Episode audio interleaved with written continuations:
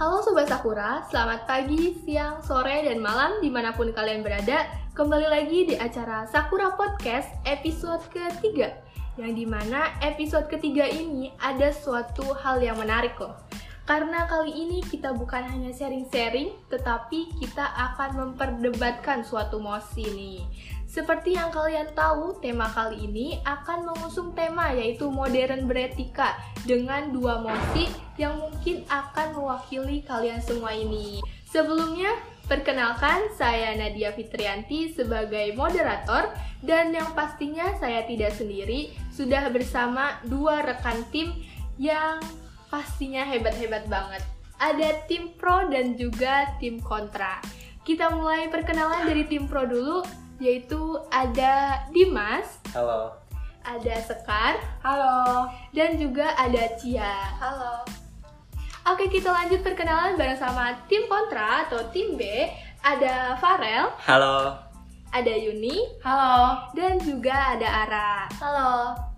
Oke, uh, karena tadi kita udah kenalan nih, sebelum itu, kenapa sih tema yang kita ambil yaitu tema modern beretika? Karena dari hasil penelitian yang sudah dilakukan nih, bahwasannya sekarang ini banyak banget orang-orang yang mungkin lebih mengesampingkan etika dan ruang beretika di masa-masa sekarang ini semakin lama semakin sempit nih. Maka dari itu kita sudah menyiapkan dua mosi yang pastinya bisa mewakili kalian semua, yaitu yang mosi pertama, apakah etika selalu berdampak positif bagi kehidupan kita sehari-hari, terutama anak remaja? Dan mosi kedua yaitu, perlukah kita membuat standar etika yang baru? Oke, kita langsung masuk aja ke mosi yang pertama, Mosi yang pertama yaitu apakah etika selalu berdampak positif bagi kehidupan kita sehari-hari terutama anak remaja? Kita akan mulai dulu dari tim pro. Silakan Dimas untuk menyampaikan opininya mengenai uh, mosi satu dengan mengusung iya selalu berdampak positif. Terima kasih kak sebelumnya. Menurut saya, iya selalu berdampak positif karena apabila kita beretika dan berbuat baik kepada orang lain, maka kita pun akan dibalas dengan kebaikan pula, seperti kata pepatah, yaitu apa yang kita tanam, maka itulah yang kita tuai. Etika juga dapat membuat dampak positif terhadap kehidupan kita sehari-hari, terutama dalam hal pertemanan. Orang lain akan cenderung lebih senang berteman dengan kita karena sikap dan perilaku kita yang baik itu semua juga akan berdampak baik pula terhadap lingkungan pertemanan kita. Karena jika kita berbuat baik, maka dengan otomatis mereka pun dengan senang hati akan berbuat baik pula kepada kita. Lalu dampak positif lainnya tentang etika yaitu kamu akan lebih dihormati dan juga disegani oleh orang-orang di sekitarmu. Entah orang tua, sebaya, ataupun yang lebih muda mereka pasti dengan senang hati akan menanggapi kamu dengan baik. Karena jika segala sesuatu yang kita tebar dan kita berikan adalah sesuatu yang baik, pasti akan berdampak baik pula dalam kehidupan kita sehari-hari. Kepada lingkungan sekitar kita, begitu pun dengan etika. Maaf izin menyanggah, tapi menurut opini dan pandangan saya, tidak, tidak selalu berdampak positif. Lantaran terkadang orang yang beretika juga bisa saja dimanfaatkan dan ditipu oleh orang lain karena kebaikannya. Mereka akan lebih gampang tertipu dan termakan atau dimakan dengan etika yang seperti itu. Dampak lainnya yaitu terkadang orang yang beretika juga suka dicap sebagai orang yang carmuk atau cari muka oleh beberapa kalangan karena menurut mereka etika tidak terlalu penting. Yang terpenting adalah memperluas jaringan pertemanan dengan cara apa pun, termasuk mengesamping etika. Dan saya membantah mengenai orang beretika akan lebih mudah mendapatkan teman, karena menurut saya, orang beretika terkadang juga cenderung susah untuk mendapatkan teman. Apalagi jika etika yang dipergunakannya sangat kental sekali. Orang-orang akan lebih malas dan malu karena takut tidak seimbang dengan etika yang kini mereka tanamkan. Sekian opini dari saya, terima kasih. Tapi, jika etika tersebut kita manfaatkan dengan baik dan membawa perubahan baik kepada lingkungan, mungkin akan tidak ada lagi hal-hal seperti ditipu, dimanfaatkan, atau bahkan memanfaatkan. Karena kita membuat suatu perubahan baru yang lebih baik dan akan menuai pula hal-hal yang baik. Lalu, akankah kita selalu menjerumuskan diri kepada hal-hal yang buruk? Tentu saja tidak kan? Maka dari itu, pikirkanlah bahwa dengan etika, kita akan mendapatkan teman yang bisa menjaga dan memperkuat etika serta sopan santun kita. Tetapi, dampak hal baik apakah yang kita dapat jika kita tidak beretika? Justru itulah yang dipermasalahkan. Dan juga kita pun harus bisa menyimbangkan etika kita dengan siapa kita tengah berbicara dan dengan siapa kita tengah mengobrol. Sesuaikanlah etikamu dengan orang yang di depan atau di sampingmu karena itu akan tetap berdampak positif terhadap pembawaan etika tersebut mungkin itu aja dari saya terima kasih oke ada sanggahan lagi kah dari tim kontra yaitu Farel cukup kak oke karena sudah cukup seperti yang sudah kalian dengar, opini dari Dimas sebagai tim pro, ia mengusung pada ia selalu berdampak positif. Tetapi dari tim kontra, dia menjawab bahwasannya tidak, tidak selalu berdampak positif. Oke, kita lanjut aja ke mosi yang kedua, yaitu perlukah kita membuat standar etika yang baru? Ini akan dijawab oleh tim pro dan tim kontra. Tim pro yaitu Kak Sekar dan tim kontra yaitu Kak Yuni. Silahkan dari tim pro dulu. Kak Sekar, silahkan. Baik, terima kasih moderator dengan mosi perlukah kita membuat standar etika yang baru? Menurut saya tidak perlu. Karena standar etika yang sudah berlaku di Indonesia sudah sangatlah bagus sehingga sangat mudah untuk dipahami dan ditiru. Dan juga untuk apa dibuat standar etika yang baru kalau standar etika yang sudah ada belum sepenuhnya dilaksanakan oleh masyarakat Indonesia terkhususnya para remaja. Standar etika yang berlaku di Indonesia adalah standar etika yang sudah berlaku sejak dahulu. Hanya saja sudah sedikit berevolusi, dipermudah dan diberikan inovasi baru untuk menyesuaikan perkembangan zaman yang baru. Beberapa contoh evolusi etika yang telah ada pada zaman dahulu yaitu pada saat bertemu dengan orang yang lebih tua ataupun guru pada zaman dahulu ketika ada orang yang lebih muda bertemu dengan orang yang lebih tua mereka sangat menundukkan badan atau bahkan sampai berjalan jongkok. Tetapi pada saat ini itu semua dipermudah dan dievolusikan menjadi menundukkan kepala sambil mengatakan permisi atau bahkan hanya tersenyum saja Semuanya dapat dibuat menjadi lebih mudah tanpa menambahkan atau membuat sesuatu hal yang baru karena memang sudah tercipta sejak zaman dahulu. Jadi menurut saya lebih baik kita menekankan etika yang sudah ada dibandingkan membuat etika yang baru namun tetap tidak dijalankan. Terima kasih. Oke, mungkin dari tim kontra akan memberikan opininya mengenai mosi 2 yang akan merujuk kepada iya perlu dibuatkan standar etika yang baru. Silahkan Kak Yuni. Baik, terima kasih kepada moderator. Ya, perlu karena dunia etika zaman dahulu dengan zaman sekarang itu sangatlah beda.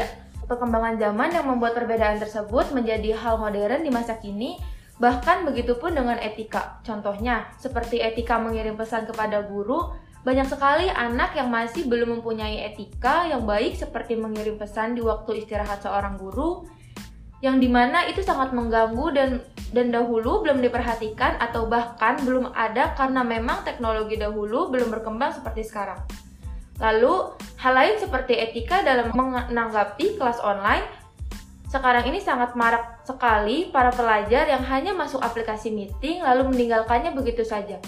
Dengan alasan yang seharusnya tidak ia berikan seperti berada di perjalanan, sedang di dalam keramaian, dan lain sebagainya. Jika kalian sedang ada urusan lain, selesaikanlah urusan itu dengan izin kepada guru kelas kalian atau tundalah terlebih dahulu dan selesaikanlah saat kelas selesai. Dan juga sekarang ini banyak sekali para pelajar yang jika sedang belajar online dengan media video conference mereka hanya masuk lalu mereka biarkan begitu saja. Dan pada saat nama mereka dipanggil, mereka tidak meresponnya karena mereka abaikan dan ditinggalkan untuk tidur atau bahkan ditinggal pergi. Padahal, guru sekarang ini mati-matian mengajar mereka untuk mentransfer ilmunya kepada kalian, namun apa yang dia dapat? Bukankah jika kita untuk memperhatikan seorang atau sedang berbicara dia dia anggap tidak sopan atau tidak beretika? Lalu bagaimana dengan yang meninggalkan kelas? Namun masuk ke dalam aplikasi meeting online ini. Bukankah itu lebih tidak beretika? Maka dari itu, dibuatlah standar etika yang baru di dalam kelas yang baru, yaitu memperhatikan guru pada saat pembelajaran online berlangsung, bukan hanya julukan sopan santun yang akan kalian dapatkan, tetapi juga ilmu yang bermanfaat yang akan selalu kalian terima. Terima kasih. Baik, saya izin menyanggah. Apakah jika dilakukan pembuatan standar etika yang baru, sudah dipastikan semuanya akan terlaksana? Dan padahal dalam realitanya, standar etika yang sudah ada aja masih sering dilupakan. Lalu untuk apa dibuat standar etika yang baru jika hasilnya sama-sama untuk dilupakan? Baik, terima kasih. Dari mana Anda tahu bahwa standar etika yang tidak baik di Indonesia? Dan apa buktinya? Pada kenyataannya, Indonesia menepati 30 dari 40 besar sebagai pengguna sosial media paling tidak sopan sedunia yang mana ini dirilis oleh Microsoft 2020. Kalau ditanya tentang bukti, kita bisa lihat dari realitanya. Pada realitanya, masih banyak tuh anak-anak yang beretika dan yang Anda sebutkan tadi dan bukti yang Anda berikan tadi kepada saya hanya dalam kehidupan bersosial media, tidak dalam kehidupan nyata. Sementara kita hidup dalam kehidupan nyata. Terima kasih. Baik, standar etika memang perlu kita baiki adanya perbaikan tanpa merubah apa yang sudah ada di budaya ke masyarakat. Tentang etika di zaman dahulu yang Anda bilang sudah sangat bagus, dan saya setuju tentang itu, namun adanya standar etika yang baru di era global ini sangat penting, apalagi dalam media sosial. Oke, ada sanggahan lagi kah dari tim pro mengenai tim kontra? Sudah cukup? Oke, itu dia tadi perdebatan panas ya mengenai mosi 2 di antara tim pro dan tim kontra yang mempertahankan opininya. Kita lanjut kepada sesi kesimpulan dari masing-masing tim sesi kesimpulan akan diberikan oleh tim pro yaitu Cia dan juga tim kontra yaitu Ara. Kita mulai dulu kepada tim kontra, silahkan memberikan kesimpulannya mengenai mosi 1 dan mosi 2 dari rekan setimnya yang sudah memberikan opininya. Silakan. Baik, terima kasih. Seperti yang sudah kita dengar mengenai jawaban mosi 1 serta mosi 2 pada tim kami yaitu tim kontra. Maka bisa saya tarik kesimpulan bahwasanya Mosi 1 tidak selalu berdampak positif karena lantaran sering terjadi orang yang beretika dimanfaatkan oleh orang lain dan mudah tertipu dalam pertemanan di zaman yang sekarang ini. Jadi, menurut saya, etika yang baik tidak bisa menjamin pertemanan atau lingkungan yang baik juga. Sedangkan pada mosi 2, perlu karena di zaman yang modern dan di situasi pandemik saat ini, kita tentu saja lebih banyak berkomunikasi menggunakan gadget dan memanfaatkan aplikasi yang ada di dalamnya. Contohnya seperti media WhatsApp, Classroom, Google Meet, dan lain sebagainya. Dan contoh lain ketika pembelajaran dilakukan secara online. Ada saja murid yang hanya terlihat hadir, tetapi jika ditanya atau disebut namanya oleh guru, murid tersebut tidak merespon. Oleh karena itu, dapat kita simpulkan bahwa perlu membuat standar etika baru di zaman yang baru ini. Terima kasih, sekian. Oke, itu tadi dari kesimpulan dari tim kontra mengenai mosi 1 dan mosi 2 dari rekan setimnya. Kita lanjut kepada tim pro yang akan memberikan kesimpulannya mengenai mosi 1 dan mosi 2 dari opini teman-temannya. Oke, baik. Terima kasih. Seperti yang sudah kita dengar mengenai jawaban mosi 1 serta mosi 2 pada tim kami yaitu pro, maka bisa saya tarik kesimpulan bahwasanya mosi 1 pasti selalu berdampak positif. Seperti pepatah mengatakan apa yang kita tanam, maka itulah yang kita tuai. Oleh karena itu, kita harus mencerminkan kepribadian yang sopan, santun, dan selalu mengutamakan etika. Jika kita sudah menerapkan itu pada diri kita sendiri, maka orang lain pun akan senang dan juga bisa menerima kita dengan baik. Juga berdampak positif untuk lingkungan pertemanan atau orang yang lebih tua, sekalipun pastinya mereka tidak segan untuk berbuat baik juga terhadap kita. Untuk masih dua, tidak perlu, karena sama seperti yang sudah kita bicarakan tadi, bahwasanya Standar etika di Indonesia ini sudah bagus dan mudah untuk diaplikasikan dalam kehidupan kita sehari-hari. Hanya saja ada beberapa perubahan seiring berkembangnya zaman. Hanya saja ada beberapa cara yang sudah sedikit berevolusi, yaitu contohnya yang sudah disebutkan tadi. Jika zaman dahulu menghormati yang lebih tua menundukkan badan atau sampai berjalan jongkok, mungkin di zaman sekarang kita hanya dengan mengucapkan kata permisi dan juga tersenyum, itu semua sudah dinilai cukup sopan oleh orang lain di zaman yang modern ini. Terima kasih. Oke, itu dia kesimpulan dari masing-masing tim, tim pro dan juga tim kontra. Em, untuk sekarang ini kita menjadi netral ya semuanya karena kita akan memulai sesi tambahan nih. Oke, Eh, sesi tambahan kita ini yaitu sesi tips and trick. Barangkali teman-teman sekalian punya pertanyaan yang sama nih dan juga pengen dengar tips dan trik dari kita sebagai peserta debat. Kita mulai ke sesi yang pertama yaitu gimana sih cara agar kita tetap terlihat asik namun kita tetap menjaga etika. Mungkin dari teman-teman sekalian ada tips dan triknya nih buat teman-teman yang di rumah mengenai tips yang pertama. Silahkan. Oke, kalau menurut saya, cara agar kita tetap terlihat asik ketika beretika itu eh, dengan cara beretika bukan berarti selalu bersikap serius yang akan membuat suasana dalam pergaulan menjadi tegang dan kaku. Karena itulah dibutuhkan sedikit rasa humor agar bisa terjalin cara bergaul yang baik dengan teman sebaya. Humor dapat mendekatkan orang lain satu sama lain dan dapat menjaga cara mudah bersosialisasi dengan orang lain. Humor adalah tips agar disukai banyak orang dan hanya saja pastikan agar humor yang dilontarkan adalah gurauan yang bermutu dan bukanlah ucapan yang menyakiti orang lain. Oke, setuju sih saya dengan Kak Sekar nih tadi tipsnya mengenai eh, gimana sih cara agar kita tetap terlihat asik namun kita tetap menjaga etika. Tadi Kak Sekar bilang kalau perlu ditambahkan sedikit humor dalam beretika juga. Itu juga tidak akan melunturkan etika itu sendiri ya Kak ya? Ya, Oke, mungkin dari teman-teman setujukah dengan opini Kak Sekar nih? Setuju kak? Setuju. Setuju ya? Yes, yes. Oke, kita lanjut ke sesi tips yang kedua, yaitu tips untuk teman-teman yang masih malu serta ragu untuk beretika. Dari saya dulu mungkin ya, saya Nadia.